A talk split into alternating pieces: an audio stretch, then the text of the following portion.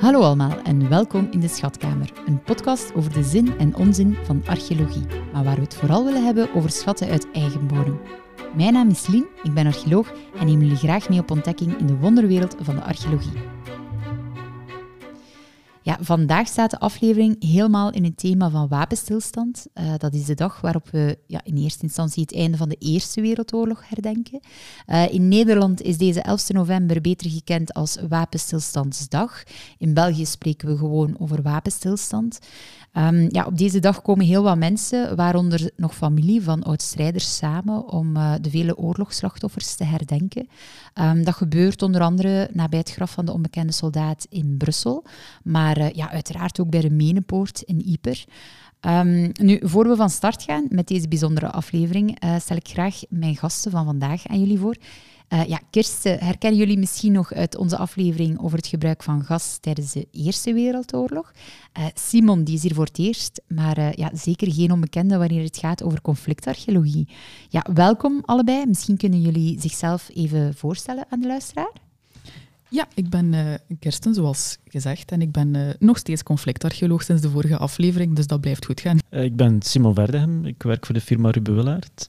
Um, ik ben ook conflictarcheoloog en ik ben eigenlijk vooral bezig, gespecialiseerd in het, het, het, zoeken naar en het onderzoeken van gesneuvelde, vermiste militairen. Ja. ja, het idee om een, uh, om een aflevering te maken rond vermiste soldaten, dat, ja, daar spelen we al eventjes mee. En we konden dan ook geen beter moment verzinnen om deze aflevering uh, ja, te droppen dan op wapenstilstand zelf. Hè.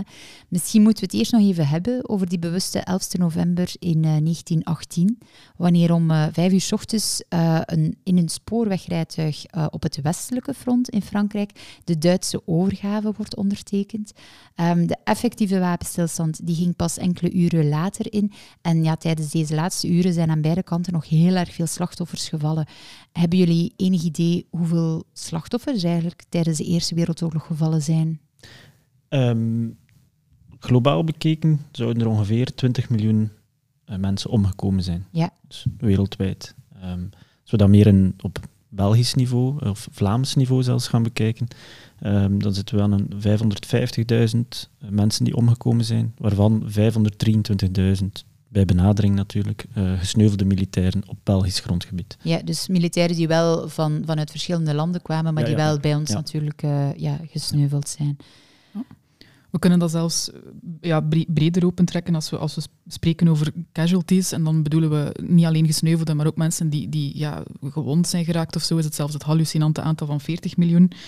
Uh, en we kunnen het zelfs op een paar miljoen niet, niet zo nauwkeurig berekenen, om het zo cru te zeggen. Uh, en bijvoorbeeld in een land als Servië is, um, als we het bekijken op, op bevolking, um, en procentueel naar gelang bevolking wie dat er effectief wel gesneuveld is, ja. is dat 25 procent. Dus één op vier van de Servische bevolking is uh, gesneuveld ten gevolge van de Eerste Wereldoorlog.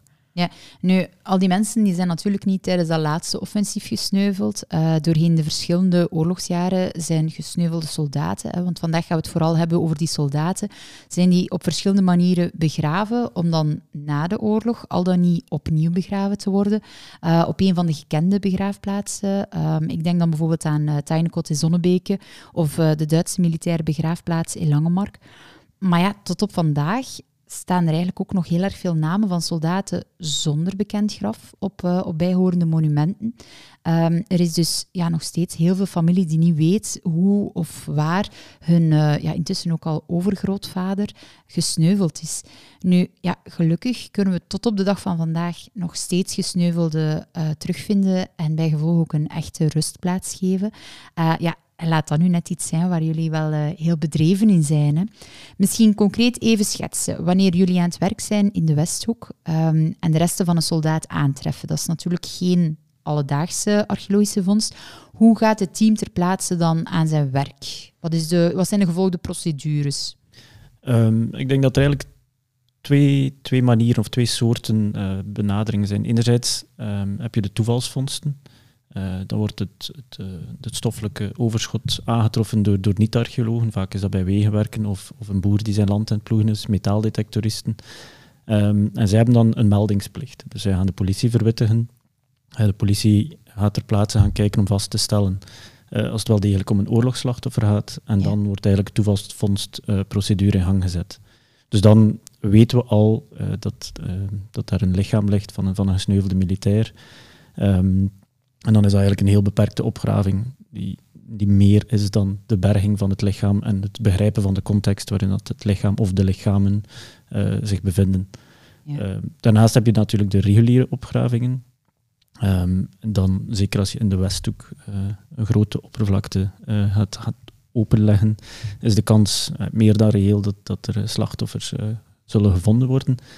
Ja. en dan is het ook aan ons om de politie te verwittigen als, er, als er een lichaam aangetroffen wordt. En dan komen ze natuurlijk ook eerst vaststellen als het om al dan niet een oorlogsslachtoffer gaat. Um, en dan gaat de hele procedure, de archeologische procedure, ook in gang. En vanaf daar is het eigenlijk een beetje identiek toevalsvondst en, en opgraving. Ja. En dus het lichaam ter plaatse vrijleggen, uh, zoveel mogelijk details opnemen.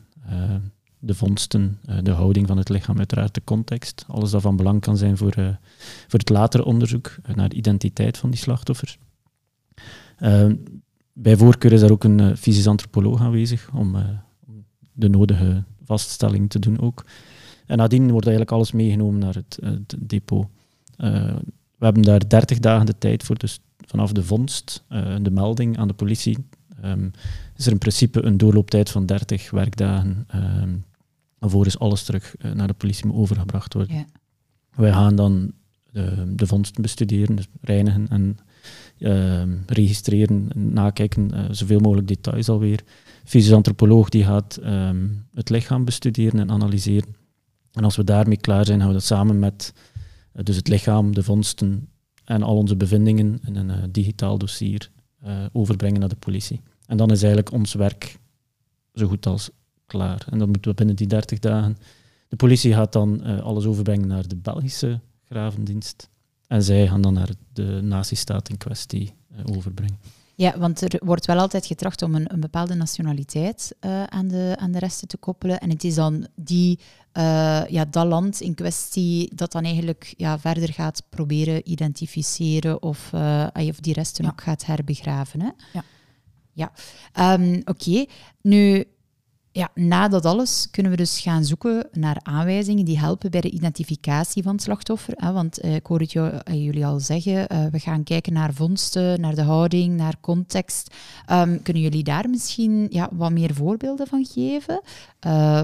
Wat helpt om iemand makkelijker te identificeren? Ik denk dat het, het, het allergemakkelijkste is als er echt um, persoonlijke voorwerpen bij gevonden worden, die, die hopelijk ook een soort van naam of, of een nummer dragen. Uh, en en um, het is eigenlijk ook, uh, het is niet per se omdat het lichaam heel erg mooi of, of intact is, dat het daarom per se makkelijker is om, om te identificeren, soms zelfs in tegendeel. Um, en ik denk dat we daar een, een beetje een onderscheid kunnen maken tussen echt persoonlijke objecten en, en dan, dan, want er worden wel veel nummers, regimentsnummers op van alles gevonden, maar die worden ook vaak uitgewisseld. Dus ik denk bijvoorbeeld aan, aan uh, armbandjes of zo die, die soldaten bij zich konden hebben, om, die, die ze dan zelf maakten. Ik denk dat daar dan de kans iets groter is dat het wel degelijk bij de persoon in kwestie is gebleven. En dan ja, wordt, wordt het wel iets makkelijker om te identificeren. Uh, maar ja, er zijn nog heel erg veel voorwerpen die... die... Maar bijvoorbeeld uh, de officiële uh, uitrusting, die werd dan ook voorzien van bepaalde nummers of kentekens die dan verwijzen naar bepaalde regimes of, of landen, of, of hoe zit dat dan? Soms ook niet altijd, geloof ik. Het werd aangeraden ja. om dat te doen. Ja. maar het is niet dat ze de militaire instanties het uh, aan, de, aan de militair in kwestie gaven en dat dat al voorzien was. Ah, nee, oké. Okay. Dus een, een, een, soldaat kon zijn, zijn nummer of zijn initialen, uh, bij voorkeur bataljonsnummer en, en regiment uh, er ook bij instempelen of inkrassen of wat dan ook. Maar dat, werd, dat werd niet standaard voorzien vanuit Nee, en velen deden dat wel, maar natuurlijk, het moet één bewaard blijven Mhm. mm -hmm. voor ons om nog te kunnen lezen. En de grote moeilijkheid is, zoals dat Kirsten al zei, die, die zaken worden vaak uitgewisseld. Uh, gesneuvelde militairen, een uitrusting die nog herbruikbaar is, wordt aan, aan een, een nieuwe recruit gegeven, en waardoor dat, dat nummer ook doorgegeven wordt. En om de duur ben je met, uh, het is al vaak gebeurd dat er verschillende nummers gevonden worden op, op, op het lichaam. En ja, welk nummer hoort toe aan wie. Ja. nummers zelf worden ook doorgegeven. De, nummers zelf worden ook herbruikt. Dus dan beginnen we helemaal met een puzzel die ja, soms al bijna niet meer op te lossen is. Uh. Dus naast die officiële uh, zaken zijn er ook persoonlijke zaken. Um, ja, wat moeten we dan allemaal denken? Welke voorwerpen droegen soldaten bij zich dan? Bijvoorbeeld een zakhorloge, dat misschien al van, van een, een, bepaalde kwaliteit was, dat ze niet wouden verliezen, of, of uh, waar dat ze dan wel hun best gingen doen om initialen en zo op te zetten. En het is eigenlijk over zo'n voorwerp dat, dat ik eigenlijk op doelde, dat, dat gaat misschien iets minder makkelijk worden doorgegeven. Dus als je daar dan initialen of zoiets op kan terugvinden, is de kans toch al iets groter dat het tot het individu behoorde. Uh, ja, tenzij dat dat toch is doorgegeven, ja, de kans bestaat altijd. Het is, het het is niet zo evident, helaas. Maar soldaten droegen dus wel veel meer dan enkel hun, uh, hun professionele uitrusting met zich mee. Ik denk dat heel veel militairen soldaten iets persoonlijks bij hadden. Een soort van uh, link naar, naar het thuisfront. Uh, iets dat hun troost en, en comfort gaf. Ja. Um, zoals dat Kirsten al zei, dat kunnen horloges zijn, maar dat kan evengoed een, uh, een armbandje zijn of een, of een, of een halsketting met, met de naam en toenaam van, van een geliefde op. En die dingen kunnen ook een link zijn. Dus bijvoorbeeld uh, Duitse militairen die in Wijtschaten gevonden zijn, uh, verschillende konden geïdentificeerd worden met uh, identiteitsplaatjes, dus dat is meer het officiële. Ja. Helaas blijven die heel zelden bewaard of leesbaar voor ons. dus dat maar die bestonden wel al zo. De, de moderne plaatjes die we nu ook vaak in, in media zien, in, in, in films en zo. Er, wa er waren varianten. Voor de oorlog bestond dat al. Um, die zijn dan in de loop van de oorlog wel verder ontwikkeld. Um, Bijvoorbeeld de Britse militairen hadden eerst uh, een metalen uh, identiteitsplaatje, maar dat is dan uh, vaak door, door um, splinters dat dat nog meer verwondingen veroorzaakte. Zijn ze eigenlijk overschakeld op een soort kartonnen identiteitsplaatjes. Ja, dat is niet bewaard. Nee, maar voor ons is dat ja, useless, want dat is inderdaad... Ik denk niet dat dat al ooit archeologisch... Nee, misschien heel ooit, maar niet wat ik van weet. En dan moet het ook nog leesbaar zijn. Mm -hmm. Maar die bestonden inderdaad, zoals nu, uit twee delen. Eén die op het lichaam bleef, één. Maar de andere vroeger, dat was één plaatje. En als de militair in kwestie begraven werd, moest dat er afgenomen worden. Waardoor dat er niks op het lichaam achterbleef. Ja, dus als die dan na de oorlog niet meer herbegraven, allee, of herbegraven werd, dan ja, wisten ze eigenlijk niet meer. Nee. Uh, nee. Dat plaatje werd gebruikt om de, de officier in te lichten. Maar kijk, die is begraven, dat is het bewijs.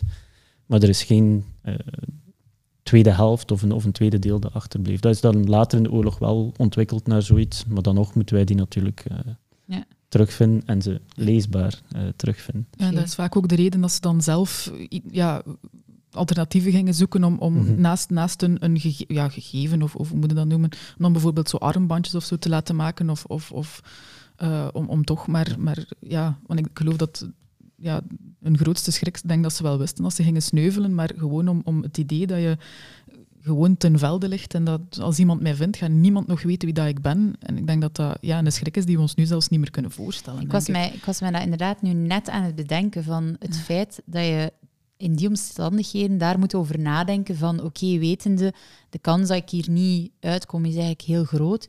Maar dat dan de angst is ja, dat je ook iets aan je, aan je dierbaren wilt laten weten wie dat je bent, waar dat je gesneuveld bent, op welke manier. Uh, er is uh, een heel mooi Duits, ay, mooi. Er is een, een Duits citaat van een, uh, een officier in, ergens in, ik denk in, nabij Staden in 1917 heeft neergeschreven.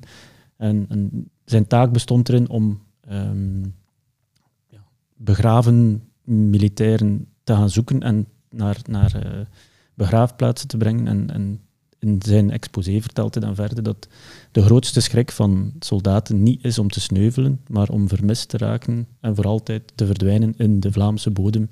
En zo schrijft hij dat dan naar huis, dat, dat eigenlijk die schrik veel groter is dan, dan het omkomen en het sterven zelf. Ja, maar gelukkig zijn er vondsten of aanwijzingen uh, die tot op de dag van vandaag jullie wel in een juiste richting kunnen sturen. Uh, we hebben er al een paar aangehaald. Uh, zijn er een paar concrete voorwerpen, um, soms, ja, soms gekke voorwerpen of soms uh, of de combinatie van, die, die dan eigenlijk de sleutel is om, uh, om tot een bepaalde identiteit of een bepaalde richting te komen. Um, ik weet niet wat er bijvoorbeeld bepaalde zaken zijn die um, ja, heel typerend zijn voor, voor nationaliteiten, waarin dat je zegt van... Uh, bijvoorbeeld, wat ik dan aan denk, is uitrusting. Uh, ik denk dat de uitrusting vaak heel typerend is voor, voor de militairen, of alleszins mm de nationaliteiten. Dat uh, elke nationaliteit wel een beetje zijn eigen, eigen uitrusting had. Zijn daar voorbeelden van? ja, ik denk dat eigenlijk de identificatie op verschillende niveaus gebeurt. Dus, zoals hij zelf zegt, nationaliteit is het eerste. Ja. Dat is inderdaad gaat vaak op basis van uitrusting gebeuren. Um, het tweede niveau is om de eenheid al te gaan uh, bepalen. En die, die gaat u al heel veel aanwijzingen geven als de combinatie van een eenheid met een plaats. Dan gaat u kunnen uh, de lijst, de gigantische lijst aan vermisten, al kunnen inkrimpen, omdat er op die plaats gaat een bepaalde eenheid maar in een bepaalde periode geweest zijn. En het aantal vermisten op die plaats is dan ook alweer heel dat zijn, Dat zijn ook nog altijd historische uh, bronnen die nog altijd toegankelijk zijn en die jullie daar ook bij helpen. Dus uh, de administratie tijdens uh, en, en, na de oorlog is op dat vlak denk ik wel vrij consequent gebeurd? Of als die administratie op in het heetst van de strijd werd, werd aangevuld, uh, ja, ja, ik denk dat er heel vaak ook wel eens verkeerde data of verkeerde namen zijn. Of is het eh, per ongeluk als, als vermist of, mhm. of niet. Ja, dus, ja, we zijn in, in, in oorlog, dus ik denk dat dan uh, correcte administratie soms een beetje op de achtergrond uh, durft te verdwijnen. Maar ze is wel vaak gebeurd. Ja, dat wel. Ze moest ook gebeuren, maar... Ja. Ja. Het is, dus praktijk en theorie is inderdaad, ja. zeker in het heetst van de strijd, ja. Groot verschil. Maar het is die administratie die vandaag de dag ook wel nog altijd helpt om, zoals je zegt, toch bepaalde groepen van vermisten ja. uh, binnen de perken te houden. Dat de pool om in te zoeken een beetje kleiner wordt. hoe meer van die data die je kan combineren, onze archeologische gegevens en historische, hoe, hoe, kleiner dat die pool wordt. En dan, dan wordt het onderzoek door de instanties, de officiële instanties later, ook, ook gemakkelijker natuurlijk. Ja. En, en dat hangt ook wel heel hard af van uh, nationaliteit tot nationaliteit. Um, dat is misschien iets dat we straks op kunnen doorgaan, maar het, uh, de, na het, het, de eenheid zit je eigenlijk met meer persoonlijke aanwijzingen en dan, dan gaat het inderdaad, zoals dat we gehad hebben, initialen, uh, identiteitsplaatjes. Um, en als je dan een combinatie hebt of verschillende voorwerpen die naar één persoon leiden, dan, kom je eigenlijk al tot een, een directe identificatie op het terrein, maar dat gebeurt, of nadien, maar echt onmiddellijk, zonder verder onderzoek, maar dat gebeurt eigenlijk heel weinig. We hebben bijvoorbeeld ook een, een, een, context die we hadden aangetroffen, um, Duits en, en Brits dan gemengd. En dan bedoel ik gemengd is echt een arm daar, een knieschijf daar, um, waarvan we vermoeden dat het misschien een, een, kortstondige begraafplaats ooit is geweest, die, die um, nog door artillerie is, is beschoten. Dus dat, ja, er zijn vier jaar lang mensen gesneuveld en eh, gedurende die vier jaar zijn die allemaal soms heel haastig begraven. Maar is er daar ook weer over die terreinen gevochten geweest? Dus, dus de kans dat, dat, een, ja, dat hetgeen wat we aantreffen, om het zo heel cru te zeggen, stukjes en beetjes en brokjes zijn, zijn eigenlijk ja, nog iets groter dan, dan in situ lichamen. Maar uh, in die context hebben we bijvoorbeeld um, een, een, het heet een epauletpip teruggevonden. Dat is een soort van kenteken die op de schouders werd gedragen door een, een Britse officier. Um, en um, de mogelijkheid bestaat het ook al zijn dat stukjes en brokjes en beetjes, um, kan het heel goed zijn dat, dat um, als dat geregistreerd is waar dat ze ooit zijn begraven, want vaak werd dat wel ongeveer bijgehouden. als, als ze dan bijvoorbeeld kunnen uh, terughalen van oké, op die plaats is er inderdaad een officier begraven en het kan geen enkele andere zijn, dan kunnen ja, op basis van dat ene voorwerpje uh, kan het eigenlijk wel degelijk zijn dat er een kans bestaat op identificatie. Maar dan, ja, dan moet de puzzel inderdaad wel, wel kloppen. Als er natuurlijk ja, op één dag tijd 200 Britse officieren langs in die zone zijn gesneuveld, ja, dan, wordt het, ja, dan is het niet mogelijk. Maar, maar ja, hoe, ja, hoe meer aanwijzingen, hoe beter natuurlijk. En dat kan soms op zo'n één klein voorwerpje gebeuren. Maar het is vaak, allee, om, om echt kans op slagen te hebben, is vaak de combinatie van verschillende aanwijzingen uh, de beste mix om, uh, om tot een goed resultaat te komen. Ja, en officieren is, uh, hebben we het voordeel dat, dat die één officier zal er gesneuveld zijn ten opzichte van misschien honderd gewone soldaten. Dus als je een officier hebt, is die lijst sowieso al een heel stuk kleiner. Dus hoe dus- hoger in rang, hoe groter dat de kans bestaat dat je tot op heden nog altijd geïdentificeerd zou kunnen worden. Ja. Ik denk het wel. Sowieso, die, die lijst is, daar gaat het volledig om. We hebben een, een lijst van honderdduizenden vermisten die nog altijd in in Vlaanderen liggen. Uh, hoe kleiner dat die lijst wordt, uh, hoe gemakkelijker dat het latere onderzoek uh, ook wordt. En gemakkelijker, hoe beperkter. Ja. Ter illustratie staat er op de menepoot staat er de naam van één vermiste generaal. Dus ja. in totaal is er één, ja, of toch op Belgische bodem, en dat er misschien nog generaals zijn, maar daarvoor kijk ik even richting Simon. Vermist niet, denk Vermist ik. niet. Er is, er is er eentje die op de menepoort staat, dat is generaal Fitzclarence. En dat is, het aantal daarvan is één. Dus uh, ja, hoe Ja. hoger in rang... uh, en- dat en- sluit inderdaad een beetje aan bij de conclusie die we dan nu ook maken. Maar hij is in 1914, denk ik, ergens in de buurt van Polygon Hood gesneuveld. Dus, Mhm. dus eh, er is daar nog heel veel gevecht over gegaan. Dus de kans dat hij ooit eh, gaat teruggevonden worden, is denk ik, ja, bestaat altijd. Maar, maar ja, het zal eh, vermoedelijk dan wel, zoals ik al heb aangehaald, in, in stukjes en brokjes en beetjes mogelijk zijn. Er is ook geen garantie dat hij niet al gevonden is, natuurlijk. Want we hebben Ja. spreken over, bijvoorbeeld aan Britse zijde, ehm, net iets meer dan 100.000 vermisten. Of zonder gekend graf. Ja. Maar net niet de helft daarvan ligt wel al op een begraafplaats, maar onder een anonieme zerk. Dus Is gewoon destijds ja, die niet is nog altijd vermist, maar het Ja. kan wel even goed. eh, in het geval van een officier, als, als hij nog veel bij had, Ja. eh, bestaat de kans dat hij dan, eh, hetzelfde verhaal weer, dat hij gemakkelijker geïdentificeerd is natuurlijk. Maar Al die onbekende soldaten die wel al geborgen zijn, eh, bestaan daar plannen over om die alsnog te proberen identificeren door bijvoorbeeld DNA-onderzoek? Ehm, DNA niet. Ehm, zeker niet in het Britse geval. Ehm, of de Commonwealth. Die hebben een beetje de policy van eens begraven op een begraafplaats gaan ze niet meer ontgraven. Oké. Eh, vooral vanuit de optiek dat het anders onbegonnen werk is. Het gaat over enkele tienduizenden. Mhm. Als die families allemaal een aanzoek gaan, of een aanvraag gaan indienen om, om, om dat te doen, eh, dat, daar kunnen ze niet aan beginnen. Dat is ook naar kosten. En, Ja. is- dus dat is gewoon... Maar het, het gebeurt wel door historisch onderzoek. Ehm, en dat gebeurt bijna jaarlijks. Eh, ik denk dat er makkelijk 10, 20 per jaar zijn. Eh, de, de mensen kunnen een aanvraag indienen bij bijvoorbeeld de Commonwealth Wargrave Commission.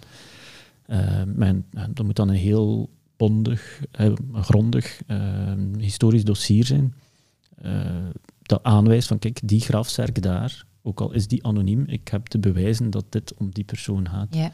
En zij gaan dat dan ook onderzoeken en heel dat dossier doornemen. En als die aanwijzingen in een oordeel ook goed genoeg zijn, zullen ze die grafsteen veranderen naar eh, een naam en toenaam op, op, de, op de grafzerk zelf. Oké, ja, het, is, het is fijn om, om te horen dat dan ook op die manier ook die mensen eh, toch nog wat meer zekerheid krijgen of die familie. Ehm, ja, gebeurt het ook wel eens dat een soldaat niet geïdentificeerd kan worden wanneer jullie menselijke resten aantreffen en er zijn te weinig aanwijzingen eh, in een bepaalde richting? Ja, Bijna altijd eigenlijk.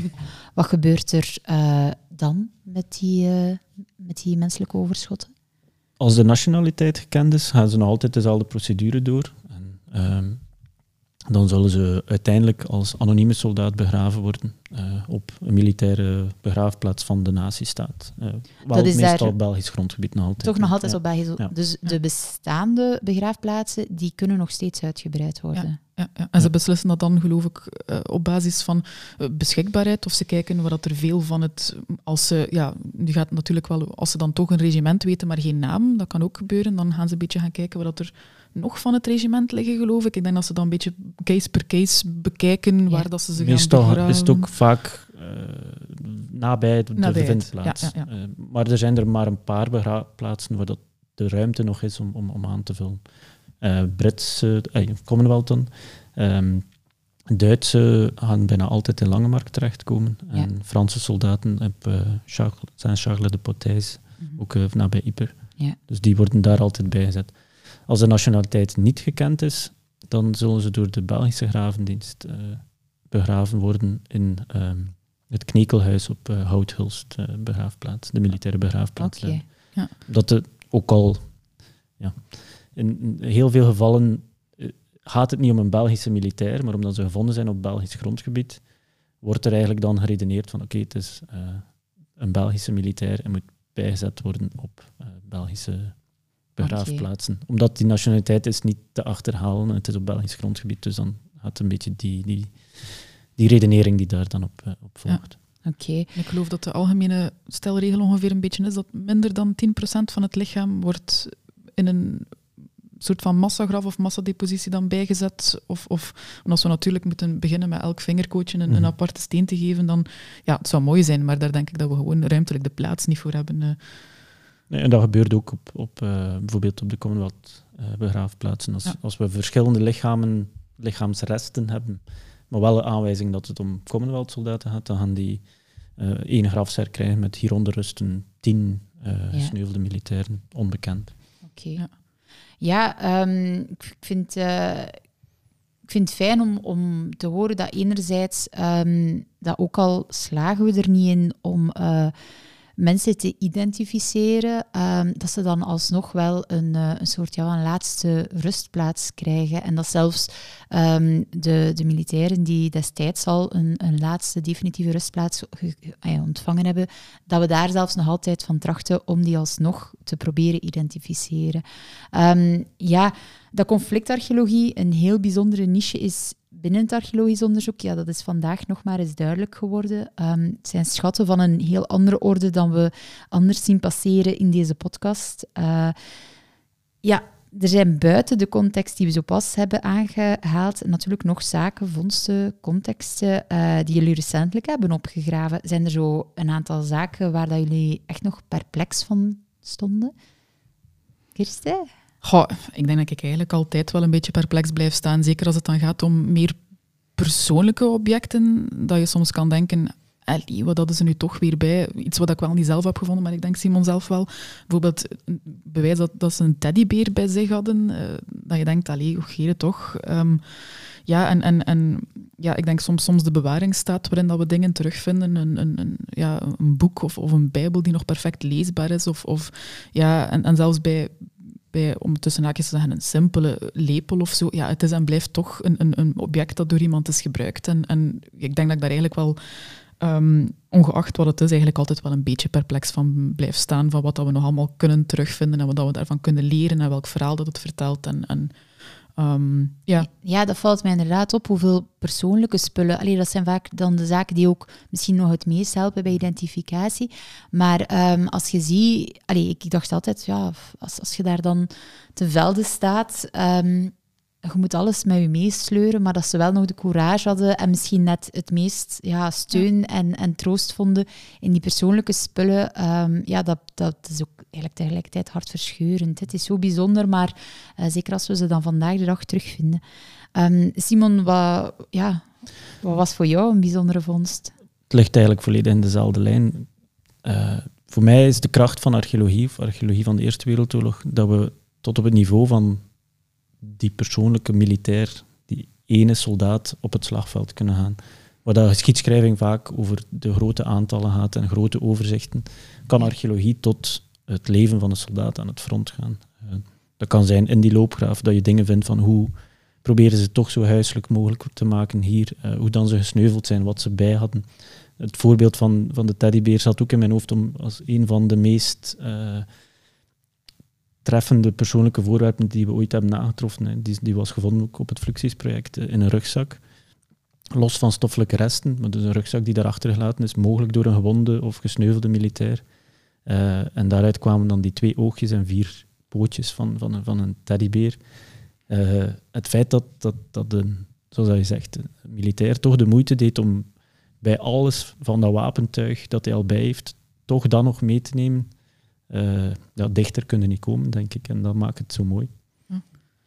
Ik, eh, ik moet daar nu plots aan denken, maar zijn er zo zaken... ehm, want er zijn natuurlijk heel veel films gemaakt over zo oorlogsgeweld, eh, waarin dat, ja, dat gevoelt van, oké, hier is echt wel research gedaan over het, het leven aan het front. En, of zijn er vaak, of zijn er meer films waarvan dat je denkt van, ja, nee, dit, dit staat heel ver van, van de waarheid, van wat wij dagdagelijks aantreffen. Ik vrees vooral het tweede.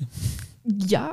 Ja? Ik weet ja, uit eigen ervaring weet ik dat, dat heel veel mensen van mijn familie niet met mij naar dergelijke films willen kijken, omdat ik om de vijf minuten dan met mijn ogen zit te draaien of commentaar zit te geven en dat ik dan te horen krijg, maar zwijg nu toch eens. En dat ik denk, ja, maar het klopt niet wat dat ze Dat is zonde, want eh, nu, nu gewoon, de, de, allee, we hebben nu een paar, eh, paar zaken aangehaald, maar ik krijg er zelf al kippenvel van. Dus ik, ik denk dat er genoeg realiteit is om, om heel mooie pakkende verhalen te brengen, dan is dat jammer dat dat inderdaad niet... Uh... Nu, het, ding is ook, ik snap het ook wel in, in het kader van, van, van ja, entertainment, want dat is en het blijft wel gewoon entertainment. Dus ik denk dat je ook echt wel bepaalde beperkingen hebt om, om uh, zaken niet altijd... Ja, dat ik denk dat je sommige verhalen echt wel moet gaan bundelen.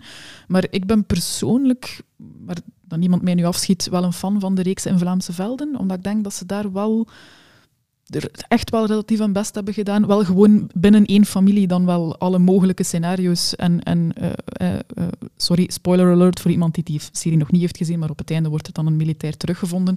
Nu, de kans dat dat gebeurde, zoals dat ze het afbeelden, is... Ja, het spijt mij, maar echt niet heel dat je tussen alle gesneuvelden die ene terugvindt die jij dan wilt terugvinden. Ja, nee. Maar, maar ik denk dat, dat dat is een kwestie van historische informatie en uitrusting en dergelijke. Vind ik wel dat ze hun best hebben gedaan. Dat zeker wel. Vind je vaak ook, uh, want uh, Simon, dat haalde jij zo pas aan. Um, we maken altijd gebruik ook van historische bronnen om, om die verhalen te verifiëren of, of ook te helpen bij de identificatie. Maar merk je soms dat het, uh, hetgene wat je terugvindt in het veld, dat dat afwijkt van hetgene wat neergeschreven staat. Want historische bronnen blijven natuurlijk ook altijd uh, opgemaakt in, in, een, in een bepaald kader, soms met een, een bepaalde hidden uh, agenda. Hè, om, om, merk je daar soms zaken van dat je echt kan aantonen van oké, okay, het staat hier zo geschreven, maar dat is niet wat dat er gebeurd is of hoe dat het gebeurd is.